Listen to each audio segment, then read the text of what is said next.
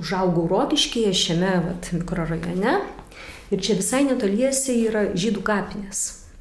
Dabar jos gražiai sutvarkytos, o sovietinių laikotarpių tai buvo kalnelis, apaugęs medžiais, matėsi antkapiai, tokie neprižiūrėti, atskilę. Ir mes vaikai eidavome pramogauti ant to kalnelio. Ir niekas mūsų nedrausdavo. Nei mokytojai, nei darželio auklėtojai. Pasimdavom žiemą rogutes, lydes ir važiuodavom, įsivaizduot, ant žydų kapų važiuodavome žaisti. Tarp kitko, aš vieną kartą per kovo 8 neturėjau mano gėlės ir aš mačiau, kad prieš tai žydų kapinėse kažkas padėjo be galo didelių vainikų. Tai aš tiesiog porą gėlių paaugiau. Mama dar to, aišku, nežino, jau nesužinos, bet, bet tiesiog tai man tai nu, ta pati, sakykime, mano jaunystė, ta istorija tokia irgi buvo, tai, tai neakcentavai, tiesiog va yra gėlės, mes ten žaisdavom, kažkas padėjo, pasidalinau, nu, tai prasme, bet to nesuvokiau pačiu, pačios istorijos prasmės tada. Ta, irgi. Mes gyvenome Panemnėlio miestelėje, prie mūsų gyveno kaimynas, jo amžina į atilsį Vitautas Pauliukas, jis buvo gydytojas ir, ir tėtis dažnai irgi, nu, vat kaip kaimynai, net kaimo vyrai, kartais laisvų laikų važiuodavo padėti tais laikais gydyti tų gyvulėlių ir girdėdavau iš šalies, kad mano tėti pramindavo Olkino. Olkinas, Olkinas. Nu, kažkaip Olkinas, jie jėkauja, o, va, Vitukas Olkino. Man tada nesuprantama ta Olkino pravardė.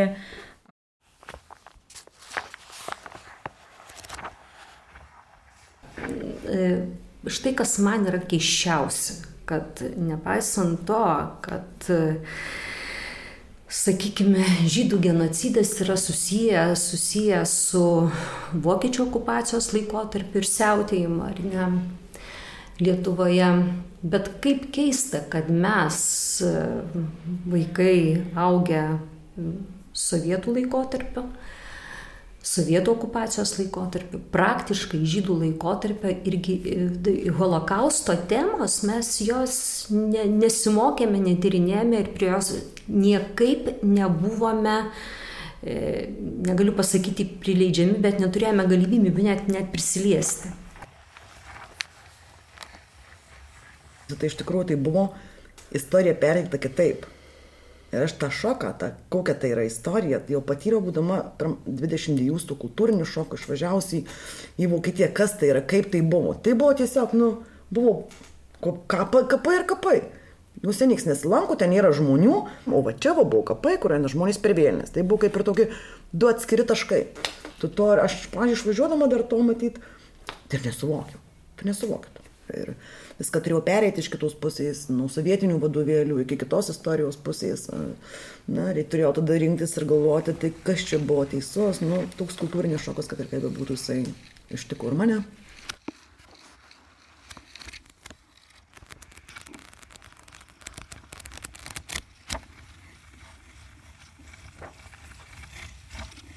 Sveiki. Čia Nara tinklalaidė, su jumis Martina Šulskutė. Šiandien jums noriu papasakoti vieno miestelio ir vieno spektaklio istoriją. Nors iš tikrųjų tai nėra tikslu. Tai yra viena istorija, bet du spektakliai. Vienas, pavadinimu Nutildytos mūzos, vaidinamas Rokiškienų Rokiškyje. O antrasis, pavadinimu Širdį nepasakytą žodį aš nešu, yra trumpoji pirmojo versija ir jį vaidina panemunėliškiai. O istorija Istorija yra apie dalį bendruomenės nelikusios po holokausto. Pagrindinės spektaklio herojas - tuo metu nužudytos žydės poetės Matildos Olkinaitės dienoraštis - holokausto metu buvo paslėptas už Panemunėlio bažnyčios altoriaus. Ten jis išbuvo kelis pirmuosius sovietmečio dešimtmečius. Vėliau, 80-ame dešimtmetyje, jį atrado vargonininkas vardu Alfredas Andrijauskas. Jis dienoraštį pristatė į Vilnių literatūrologai Irenai Veisaitėjai. Panašiai kaip paslėptas dienoraštis, iš vietos bendruomenės atminties ilgam buvo prapuolusi ir didelė dalis to metų žydų istorijos. Šiame epizode mano pašnekovai kalba apie tai, kur nuveda užmarštis ir kur Rokiškio miesto ir Panemunėlio miestelio žmonės atvedė besugrįžtanti atmintis.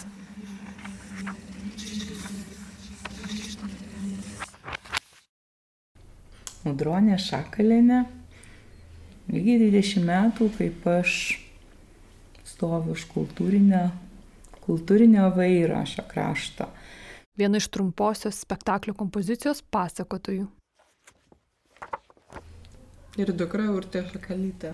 Abiturientė, mokausi Kamajo Antano Strasda gimnazijoje. Kompozicijoje atlieka Matildos Alkinaitės vaidmenį. Žaneta Šiškulantė Sinevičianiai, gyvenu 12 metų panemonėlį, auginu vaikus. Mano vyras yra iš šitų kraštų, kaip, kaip čia vadinasi, meilės migrantai. Dabartis. Uh, tai va, tai atvažiavau, čia nieko nepažinojau, tiesiog. Viena iš kompozicijos pasakotojų. E, esu Raimondas Tankievičiūtė Vilmenė, esu liaudės teatro aktorė, o gyvenime tai dirbu su nevyriausybinėm organizacijom. E, vaidinu šiame spektaklyje šiame spektaklyje, apie Matildą spektaklį. Nutildytos mūzos. Viena iš ilgojo spektaklio pasakotojų - Matildos Alkinaitės draugė Liuci. Aš su Ugnius Danys, šiuo metu dar moksleivis. Spektaklyje atlieka Ilijos, Matildos brolio vaidmenį. E, aš Jeva Lapelytė, esu šokių mokytoja. Ilgajame spektaklyje atlieka Matildos Olkinaitės vaidmenį pakeitė ankstesnė jame vaidinusią aktorę.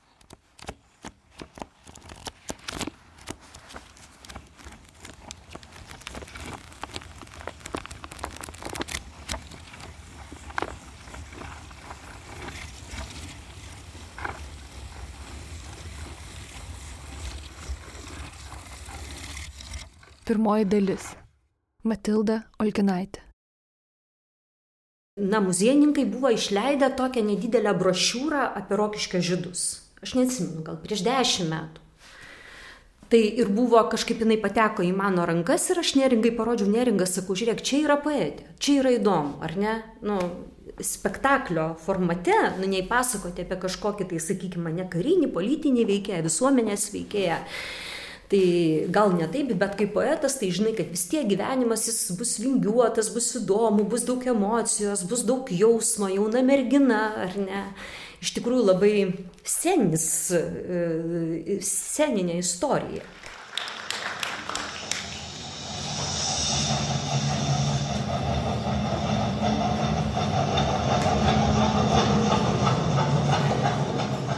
Panemunėlio geležinkelio stoties gyvenvietėje taipogi gyveno keletas žydų šeimų.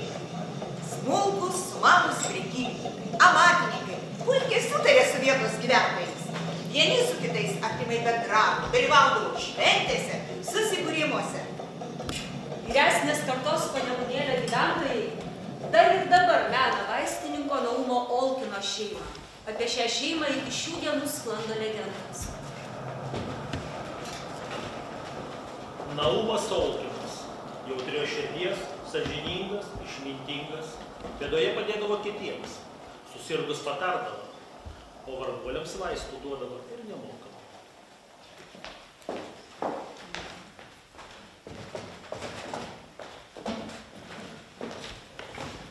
Asna Olkinėje.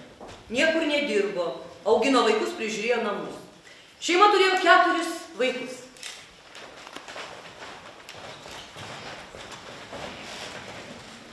Vyriausias Ilja, labai gražus vaikinas. Ir tris dukras - Matilda, Mika ir mažoji Grūnė.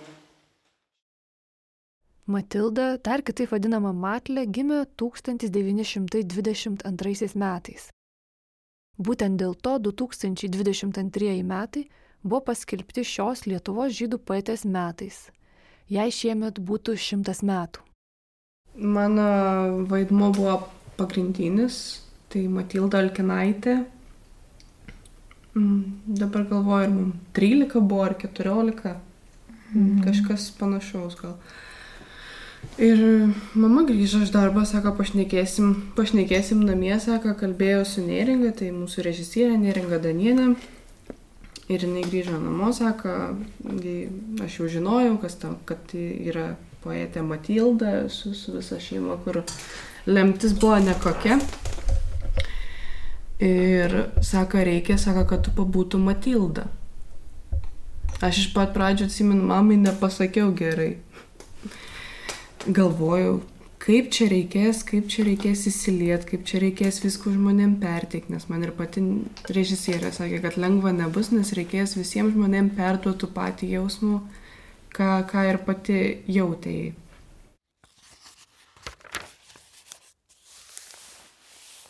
Kai įžengiu į sceną, ne, tikrai nebelieka, nuoširdžiai galiu pasakyti, kad Jėvas nebelieka, tai yra Matilda, nes kitaip neįsivaizduoju, kaip galėčiau absoliučiai nebūdama Matilda, būtam spektaklį, nes jeigu įsileiščiau Jėvą, to susigaudinsiu, nes jeigu įsileiščiau Jėvą spektaklio metu, tai yra kraupiai žiūru, nežmogiška ir tiesiog sėdėčiau ir verkčiau, jeigu paleisčiau ne, ne personažą į sceną, o, o pati save kaip aktorė. Matilda rašė dienoraštį ir kūrė eilėraščius. Būdavo jį mokykloje užsižiūri per langą. Ir tuomet draugai sakydavę, šatiliau, Matilda kūrė eilėraštį. Neringos Danienės spektaklis pastatytas pagal Matildos dienoraščio ir eilėraščių ištraukas. Man labai pačiai įtraukė, aš atsimenu visus scenarijų, visus žodžius, visus eilėraščius, išmokau per vakarą, vaikščiodama kambarį iš, iš galo į galą. Tai vad būtent va tas dalykas, kad kai pasiemus iš tikrųjų tokį labai labai gerą romaną ir suvokimas tame, kad kažkur vat vidury to skaitimo, kaip viskas čia įdomu, kad tai yra realaus žmogaus gyvenimas. Tu ne romaną skaitai, tu skaitai dienoraštį. Ir va šitas nepaleido. Ir šiaip iš tikrųjų, ne, dabar tai už perskaičius ne vieną kartą. ir tiesiog būdavo toks jausmas, kad net laukia tos repeticijas, kur tau bus įdomu, kur tu žinai, kad tau patinka tai. Ir va čia va mes šitoj patalpoje visada ir repetuodavom. Tai kai reikėdavo namo važiuoti, tai kažkaip už šitų durų viskas čia ir likdavo. Namie pagalvoji vėl, tada vėl čia grįžti ir vėl visas emocijas įsijungia. Nuo pirmų eilučių. Konkrečiai nepasakysiu dabar tų eilučių, bet um, įtraukia tas rašymas, kuris tiesiog skaitai ir tu skaitai tarsi savo pačios paauglystės dienoraštį. Matlė mėgo būti viena. Ji jautriai reaguodavo į kiekvieną smulkmeną. Vaikų šurmilyje likdavo tik stebėtoje. Ji dažnai sėdėdavo namo salkoje ir rašydavo eilėraščius. Sakydavo, kad tėtis neleidžia su mumis žaisti, kol nieko neparašo. Kodėl taip elgdavosi? Nežinau. Skaitant atrodė, kad jinai augo vyresnyn, vyresnė tapo ir kad tas sustojimas ties 19 metais labai taip skaudžiai kažkaip um, palėtė vien dėl to, kad aš vyresnė jau už ją ir, ir tas mano tas tada vos ne kad savęs palyginimas, kaip, o jeigu jinai būtų dar gyvenusi, kas būtų buvę kitaip, jeigu vat, nebūtų to viso to nutikę. Matildos eilėraščiai pirmą kartą buvo išspausdinti jai būnant 13 metų. Matilda rašė lietuviškai, tačiau eilėraščiuose pinėsi ir lietuvių ir žydų kultūra. Jos eilėraščiai, taip kaip ir jos šeima, jos gyvenimas, jos namai, mokslai, viskas buvo nuspalvinti dviejų tautų bendrabuvio. Mes spektaklį pradedam išeidami iš salės, tarp žmonių sėdėdami. Ir mes visą spektaklį, na gal mes pati šeima, tik tai pačioje pradžioje kalbam, bet, pavyzdžiui, kiti paskatai, jie nu, tikrai atsisukia į žmonės, žmonėm kalba. Aš kalbu Jeva kalba žmonėm dėl dienorašio. Mes visą laiką bendraujam su žmonėm per visą spektaklį, tai neleidžia žmonėm atsipalaiduoti ir nuo mūsų akių nukelti. Šiandien lygiai metai nuo karo Europoje pradžios. Laikrašys ten duom raidėm piečinėje. Klaiku, kai pagalvoju, tikrai klaiku. Man reikėtų prisėsti ir sutvarkyti keletą eilėraščių. Na, tas mano rinkinys visiškai be noro įrengiu, žinodama, kad jo vis tiek niekas neišleis. Juk nieko aktualaus jame.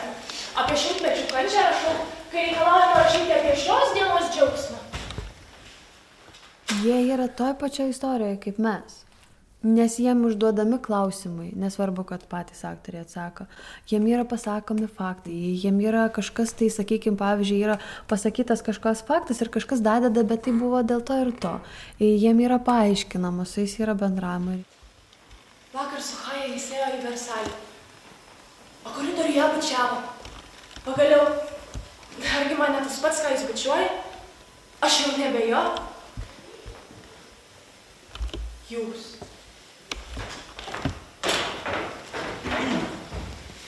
Jūs savo nešvariais nagais sulindę į mano dienoraštį nesijuokit.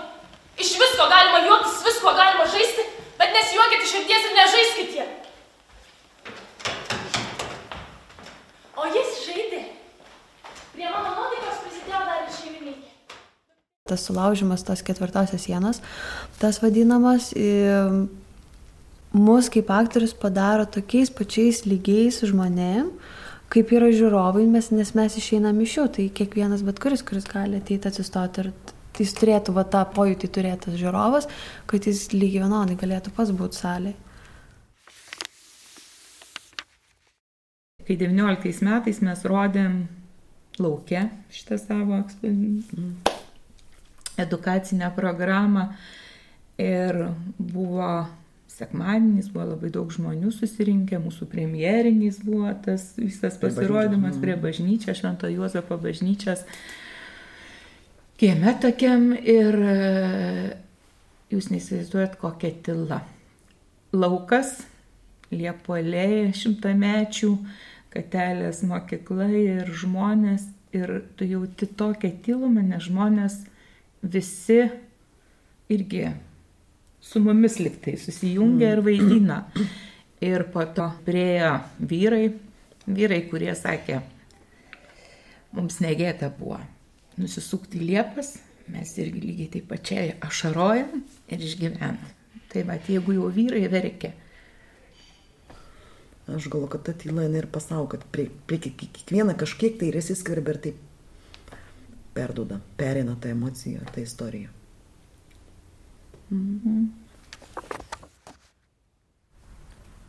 Nu, kai jie apsiverkė visą salę, verkė. Kad bent po vieno spektaklio nebūtų pasakę, iš vis, kad nebūtų net kalbama apie tai, kad kažkas verkia, tai nebuvo taip. Tai visada būna, kad, ai, ir vėl sugraudinat, ai, jau ne pirmą kartą žiūriu ir vėl verkiau ir negaliu, nes yra, bet sakykime, mamos, kurios žiūri mm, mažųjų. Arba vienos mama, arba kitos mama, nes yra keičianti aktorė mergaitė. Tai ir viena mama verkia, ir kita mama pastoviai verkia. Ir dar gaunasi taip, kad aš dar akim susitinku kažkur mamos e, salėje, kai jie sėdė. Tai iš karto, sakykime, bet um, režisierė mūsų visada ver- verkia. Pamatau, kad režisierė verkia, tada aš irgi noriu verkti ir tada dar didesnės emocijos būna.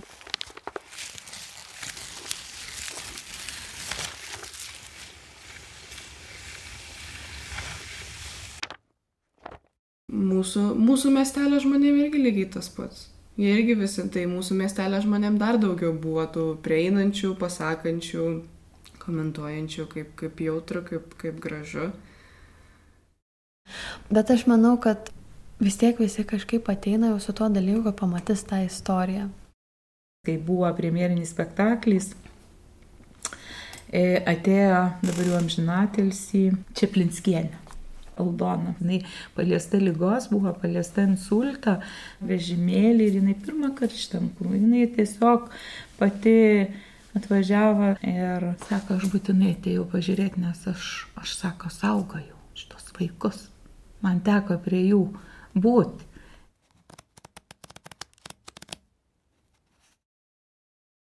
Mes ten stovim kaip nuotraukoje, ta šeima jau tokia sustingusi žodžiu mes stovim, o kiti aktoriai eina į salę ir dalina eilėraščio lapus žmonėm. Ir nekart esu mačius, kaip žmonės tarsi atsibunda iš kažkur, kad, ai, pasiemė tą lapą, tokie, kas čia buvo, bet ta- tas toks, nežinau, tai matosi tas ir pergyvenimas, ir, ir, ir, vad būtent, kad spektaklio metu buvo įsijautę į tą visą vyksmą. Jeigu e, nupaišyti ją kaip paveikslą, tai nu, nupaišys ją kaip paveikslą, tai, tai grinai dvi pusės. Viena šypsosi, kita liūdna. Ir va taip galima sukiot kas kelias sekundės. Va taip pasėtin viskas, e, bent jau aš taip įsivaizduoju iš to, ką esu per- perskaičius, kad jinai va taip turėjo elgtis. Arba tada labai dar, e, jeigu reikėtų, jeigu būtų įmanoma įsirėmint, kad e, iš nuotraukos dar girdėtis ir žodžiai, ir veiksmas būtų viskas vienu metu. Tai kur mes sakom e, eilėraštį, visas ten seserys ir draugė viena mūsų, ir kur pataugnis pasiema mažąją sesę šokt kartu. Tai va tas šeimininės vaikystės va ta vieta, kuri yra prieš visus visus įvykius, va ten irgi yra toks džiaugsmas pendulėlis visą spektaklį. Svečius ateidavo kaimynas Miniškis, mokytojas Jonas Minonis, Levonas Magelionis, mokytojas Stasė Valavičiūtė, daktaras Sadauskas ir kiti. Onkinas, pasitelkęs vaikų šarmingumą, ruoždavo įvairius vakarus. Programas visada ruoždavom Mika, Matilda, Grūnė ir aš. A, saulutė štai atbudo ir iš savo guolio šoko.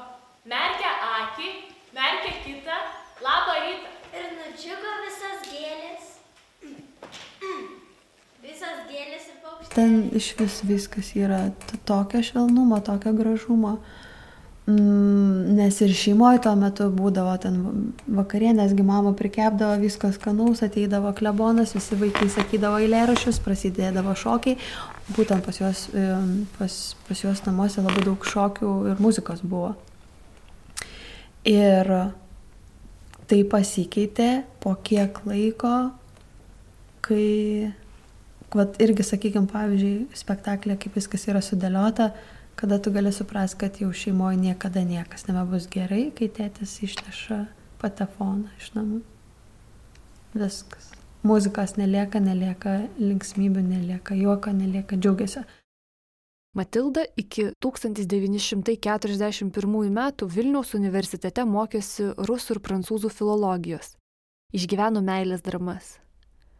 Visgi, prasidėjus karui, ji nusprendė grįžti pas tėvus į panemunėlį. Buvo žmonių raginusių ją bėgti, pasislėpti, negryžti. Šitą, nu, tai tu, tu moki, tai. Tavo čia žodžiai. Čia tavo žodžiai, skaityk. Nu, pasakyk. Pasakyk, nes. Pasakyk. Labai gražiai iš tikrųjų. Man taip sunku. Aš taip norėčiau žodį tarti. Nepasakytas žodis virpa manyje. Matau. Pro šalį plaukia eisenos ir kartos. Ir melsvas ilgesys. Ir virpanti kančia. Ir džiaugsmas plasdantis mažyčiais spindulėliais. Ir amžius skausmas dėl sudužusių vilčių. O aš. Nepasakytas žodis ir šešėlis. Širdį nepasakytą žodį aš nešu.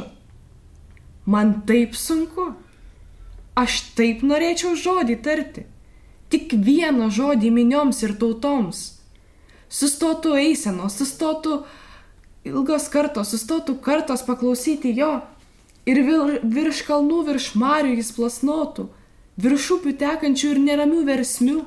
Ir ilgesys, ir virpanti kančia sustotų ir amžiaus skausmas dėl sudužusių vilčių. Šitas eilėraštis buvo pats stipriausias, iš tikrųjų eilėraštis aš ir dabar, vad, sakydama galvoju, gal taip nereikia sakyti, kaip reikėdavo sakyti, nes jį jau reikėdavo išjausti iš jausmo, jau garsiai jį su visom emocijomis sakyti. Tai man šitas, šitame eilėraštyje jos gyvenimas yra sunkus, kaip, kaip viskas jai praeina, kaip vien tie žodžiai, tik eilėraštis prasideda, jinai sako, man taip sunku, kad jinai nori būti išgirsta, kad jinai nori sakyti, kad ji nori, kad ją visi girdėtų, bet žino, kad nieko nepakeis tai situacijai.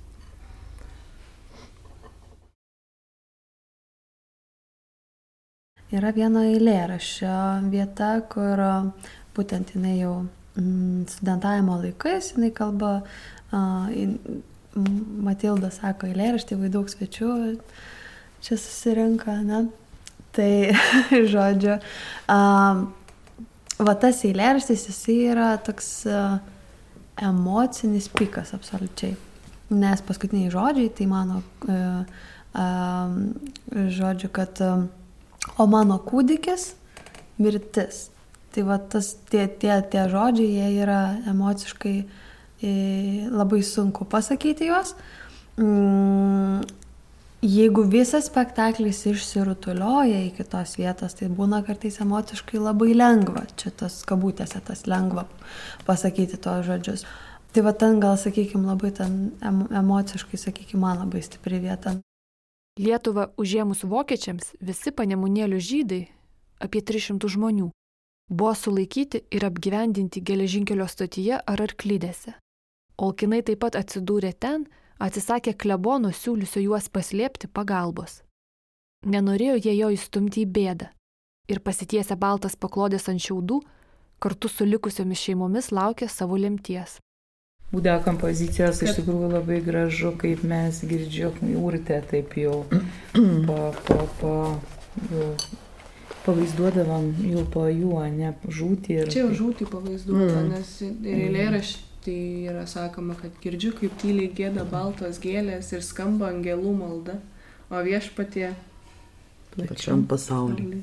Be balsė aš tik tai viena, jo. be balsė katinai. Jo, be balsę, mums tada mes visi žiūrėdamėm akis pakeš, atsimenu, Dangų. į dangų ir dairytis, iš kur čia tas, tas, tas balsas. nesužinosit jo. Mhm, tavųjų žodžių. Maldos. Tai va, ir, ir čia, čia ir tuo norėta, norėta gal pasakyti, kad tas nepasakytas žodis, va, jinai angelų ir virsta. -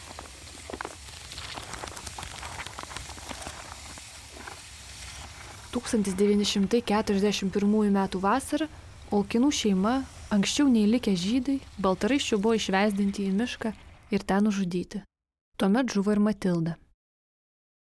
O, aš tai turiu labai aiškiai, tai yra scena, kurią aš pats nevaidinu. Iš tikrųjų, aš tą sceną esu matęs tik tai uh, porą kartų, nes mes, tai yra scena pati pati paskutinė visam spektaklyje, kada jau mus šaudė tie baltaraišiai išeina šokt, prigeria, paduškom, su plėštom, visi patenkinti savim, jau, nu toks išėjimo iš proto scena, kai žmonės iš kalties, ten miškais išbėgo ir dingo. Ir mes tuo metu, ta žydų šeima, mes sėdame už sienos, tai mes to viso veiksmo nematom, bet tie porą kartų, kad aš sumatęs tą sceną, man taip patinka, kaip tie du tokie stambus vyrai taip įsijautę šoką ir taip mats, kaip jie per tą šokį išprotėjimą išeina. Tiesiog man tai atrodo, nu nežinau, tobula scena. Ir dar po stalu tuo metu sėdi vienas, ta, ta, mu- viena iš aktorių Marytė, kuri tokio yra gerumo žmogus, jinai tokiu krūvinu balsu pasakoja, ką tie uh, baltaraišiai padarė.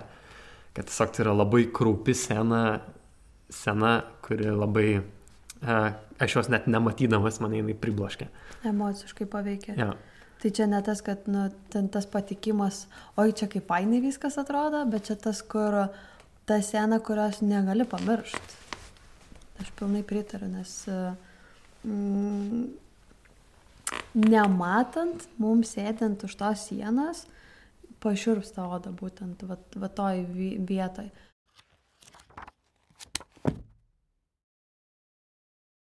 Įsivaizduokim, vat, į, išgyventi, kaip arkliniam vežime sėdėjo visi susispaudę, visi nežinodami, tie ratai, tas žvirkelių važiavimas, jiegi tai jautė. Jie tikrai jautė. Ne visi tie, tos jaunos širdelės. Mes va kalbam, šiurpstamės, vaidinamės, bandėm perteikti emociją. Ten viskas buvo gyva, ten ne vaidinimas, ten buvo gyvenimas. Įsivaizduokite, jeigu dabar sėdim vežime su maišais ant galvų, ne? Ir ten, sakykime, pavyzdžiui, pirmam tėčiui ten nuėmė maišą ir ten jam reikia ir sako, duok pinigus, o jis nieko neturi. Absoliučiai nieko neturi, ką jam duoti. Net nei tų pinigų, nei to aukso, nei ten nieko, va, kaip stovi, išvežė iš namų. Ir žino vienintelį dalyką, kad atidavė dukros eilėraščių rinkinį, kad paslėptų už altorius. Tik vienintelį dalyką turi prisiminimą.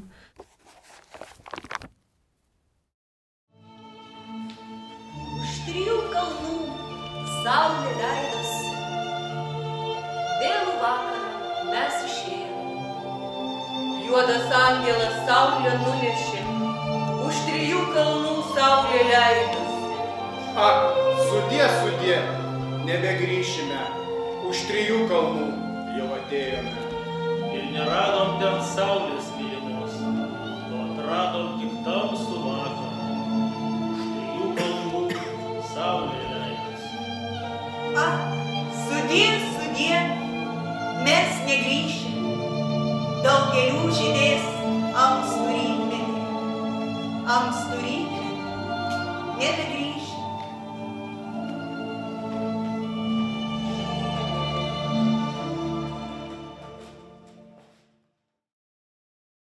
Antra dalis.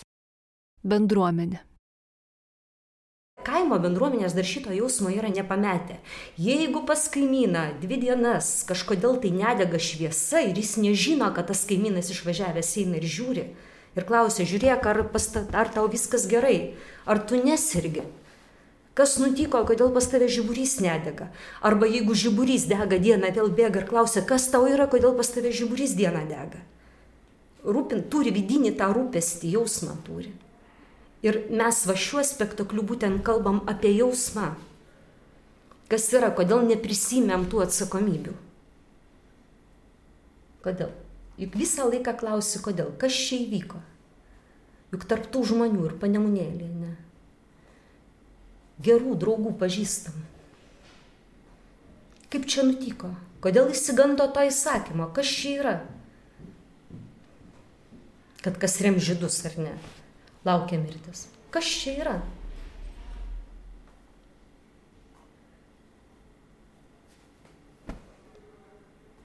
Nežinau.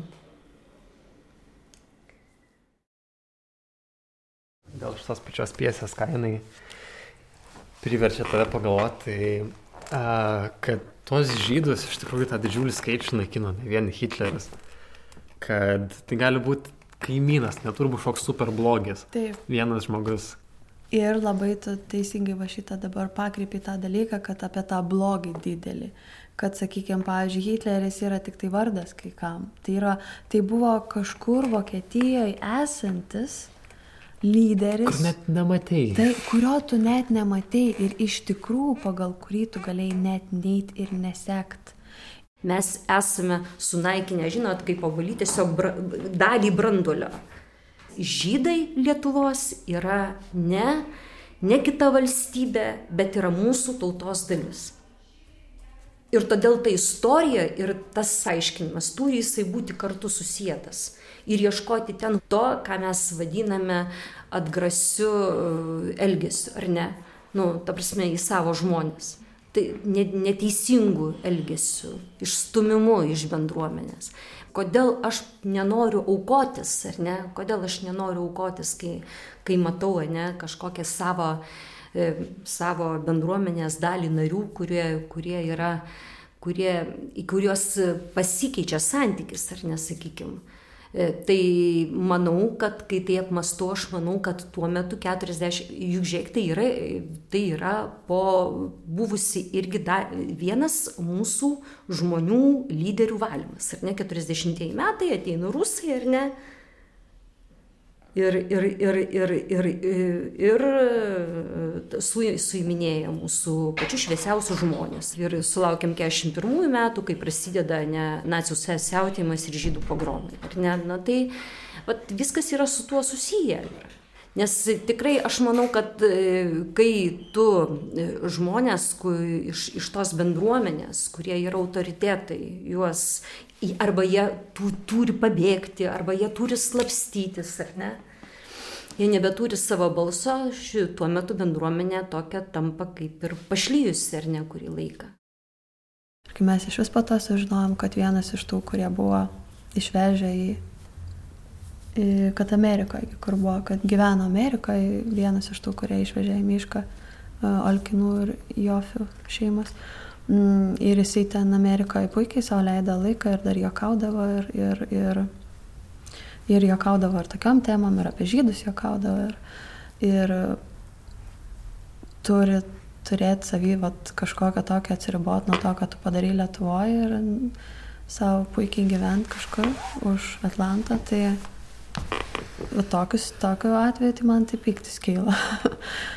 Toks, na, nežinau, tada ir vat, galvoju, vat, ką, kokia yra savoka žmogaus, ką reiškia būti žmogumi.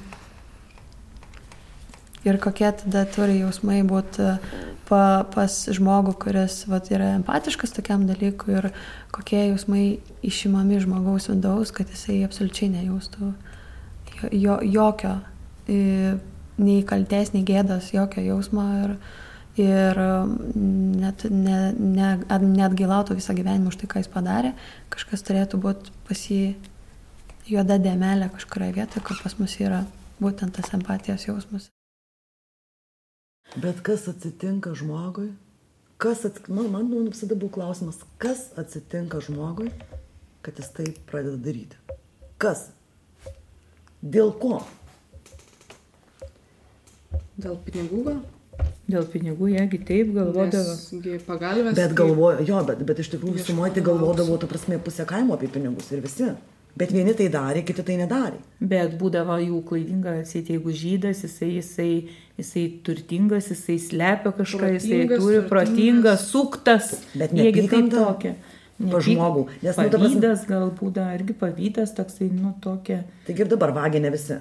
Vieni neturi pinigų irgi nevagia, o kiti vagia. Bet, mm. bet, bet kas atsitinka žmogui, kad jis pradeda elgtis nežmogiškai? Ne vis, nu, kažkas. Toks. Ir iš tikrųjų, oi, kaip baisu. Juk ne visi tai darė. Ir dabar ne visi tai daro. Tada net um, spektaklėje sakomi tie dalykai, kad buvo pusė rokiškio gyventojų. Toks atrodo, vat, paėmė ir pasakė, kad pusė rokiškio gyventojų ir taip sėdi ir galvoja, jeigu dabar vat, tai pusė rokiškio gyventojų išnaikinam. Ka, kaip atrodytų tas, tas visas dalykas. Tai mm, negali nebūti empatiškas ir negali nepajausti va, tą skausmą.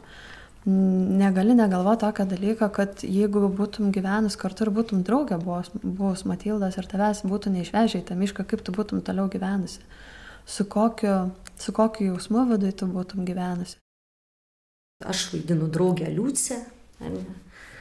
Matildos ir Mykos, ar ne? Nu, to šeimos labai gerą draugę, nes, nes mano, sen, nu, ta prasme, mano herojės senelių namai buvo kaiminystėje, Olkinų šeimos. Ir kaip ir bendri kiemai buvo, bendri vaikai ir bendras rūpestis. Bet ta Liucija, jinai čia mirė tik tai prieš keletą metų. Bet e, per visą tą sovietinį laikotarpį ir dabar nepriklausomybės Lietuvos 30-metį nebuvo, nežinau kodėl nebuvo tokio stimulo jai bandyti ieškoti savo labai gerų draugių mirties vietos. Savo vaikystės draugių mirties vietos. Matot, e, vat, lietuvių tauta kokiame buvo žiauriame suspaudime. Ir vat, holokausto tragedija. Ir, ir mūsų rezistencinių kovų tragedija yra tokia, kad žmonės dėl išlikimo, ne, nu, tai, bet čia negalima dar labai smerkti, nes čia kalbam apie fizinį išlikimo klausimą, bet aš nežinau, aš ne, negyvenau tais laikais. Negaliu pasakyti, kaip taip nutinka vat, su mano Liucijos heroje, kodėl tas užmaršumas ateina. Ir jeigu man režisierė šiandien lieptų vaidinti, nu, paprašytų vaidinti Liuciją, na, va, dabar prieš mirtį, ar ne, man, aš turėčiau tą santyki, taip kaip aš išgyvenu, aš jį turėčiau ryškinti. Nes manyje to supratimo iš tikrųjų iki šiandien nėra. Tų liudininkų karta, amžininkų tuometinių karta, tame sovietinėme suspaudime iš tikrųjų nenoriu pasakyti, kad keitė humanistinį savo suvokimą, bet matyti iš baimės, iš dalies jį buvo labai stipriai nutildę. Savo pareigą.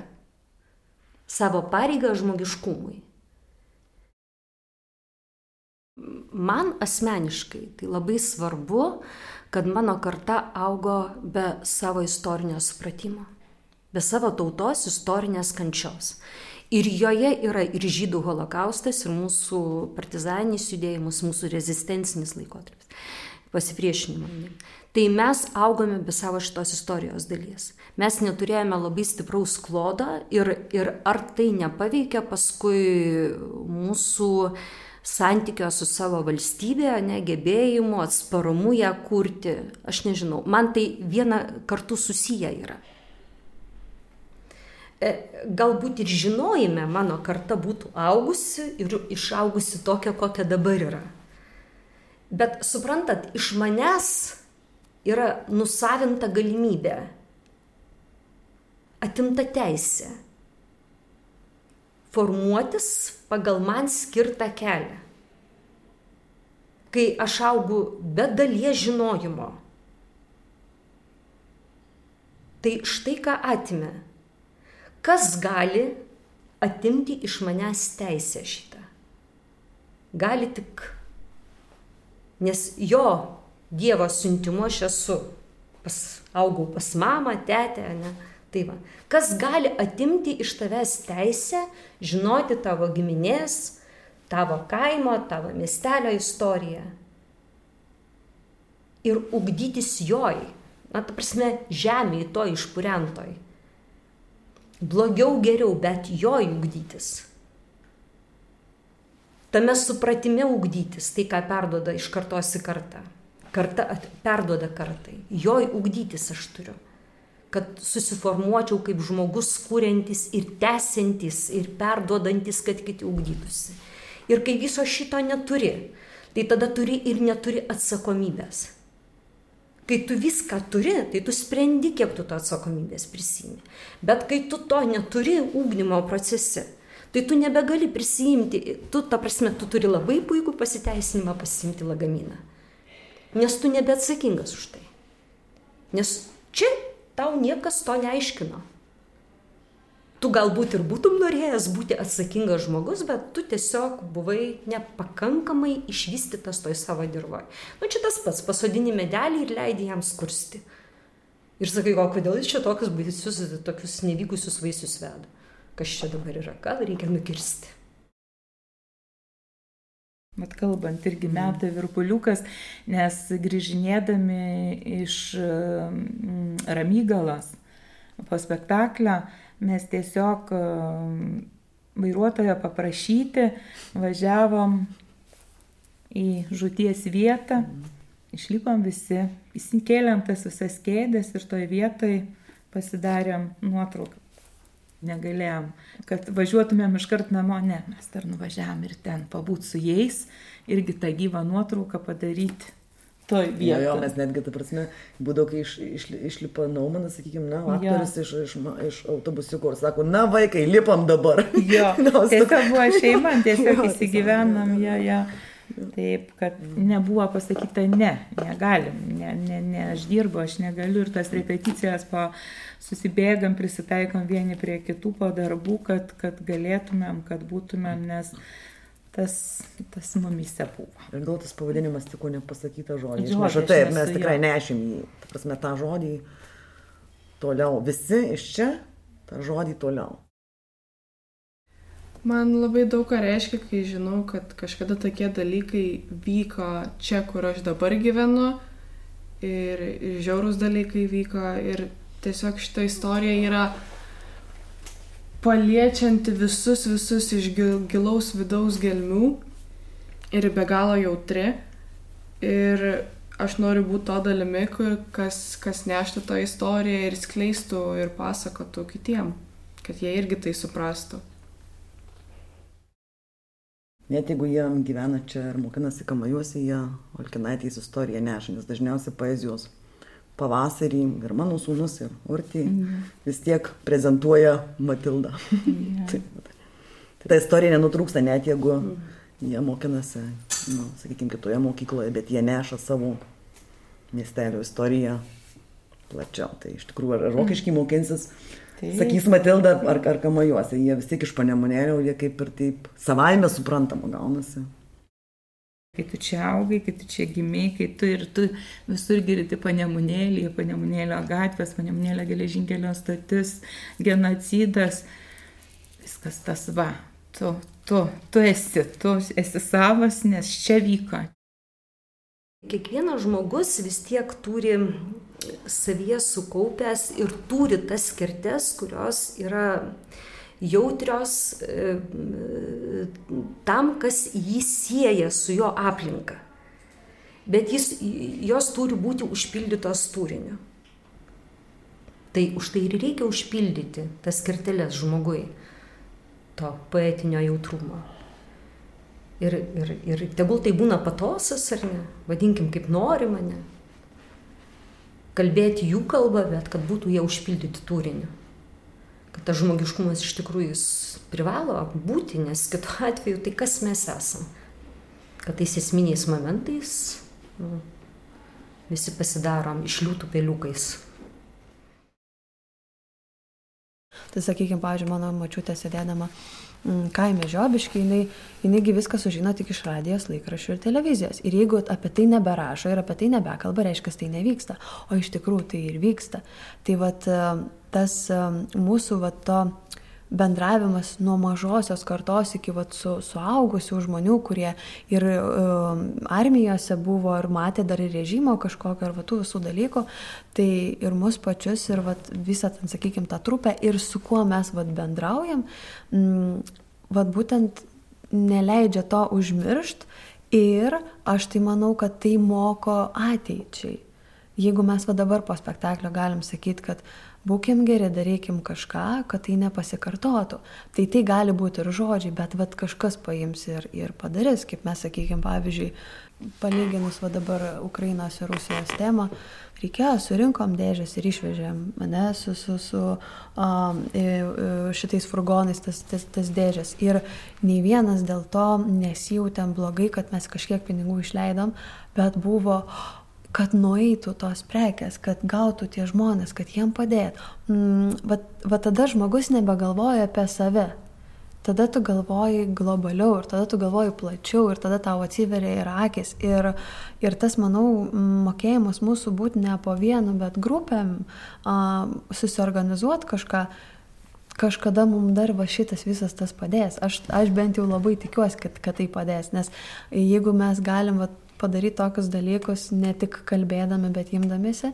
Tai ir tie žodžiai, kurie bus pastoviai sakomi, kad, kad to nepasikartotų, kad to nepasikartotų, aš manau, kad kai, jeigu būtų kažkoks tai reikalas ir eitumėm ir darytumėm kažką, kad tai nebepasikartotų, kai jeigu jau tai būtų ir labai labai labai arti.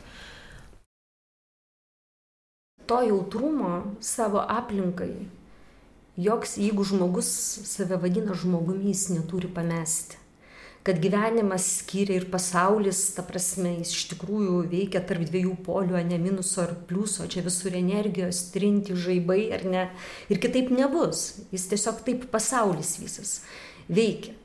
Bet kiekvienas iš mūsų turime nu, turėti savį stiprybę, tą labai stiprų humanistinį radą, kur tu turi pasakyti, ne, aš, čia mano reikalas, Ukraina yra mano reikalas, holokaustas yra mano reikalas lietuvių rezistencinės kovos yra mano reikalas.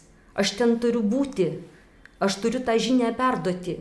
Tai mano reikalas, to negali būti, bet ir tos pačios Rusijos žmonės kokie suspausti. Juk Rusija ne vien Putinas, ne? Kokiam suspaudime. Ir tai turi būti mano reikalas. Tu, mes daugiau turėtume prisijimti savo gyvenime reikalų.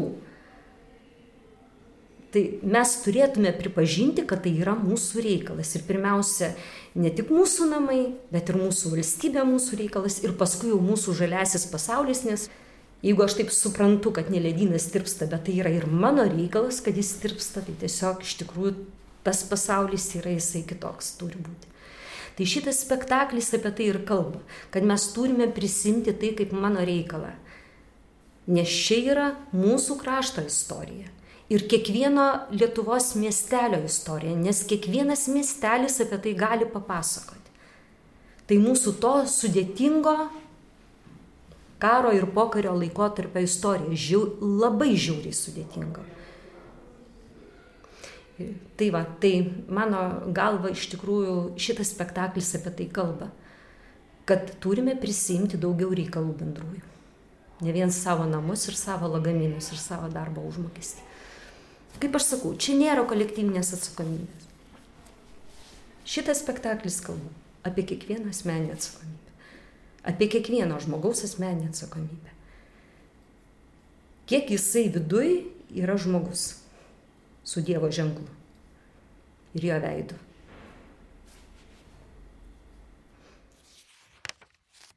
Ir dar, va, pavyzdžiui, sakykime, tie visi dabar spektakliai, kai vyko dabartinio laikotarpio, kai viskas prasidėjo su Ukraina ir Rusija, tai visi mūsų spektakliai, neatsimenu, kuriam spektakliai nebuvo pabaigoje pasakyta, kad e, kaip norėtumėm, kad nepasikartotų, nu būkim geri, kad nepasikartotų, nu kažką reikia daryti, kad nepasikartotų.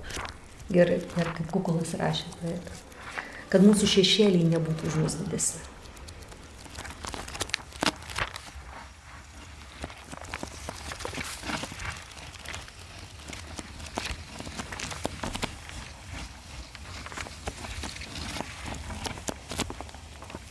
Toks mūsų epizodas šiandien.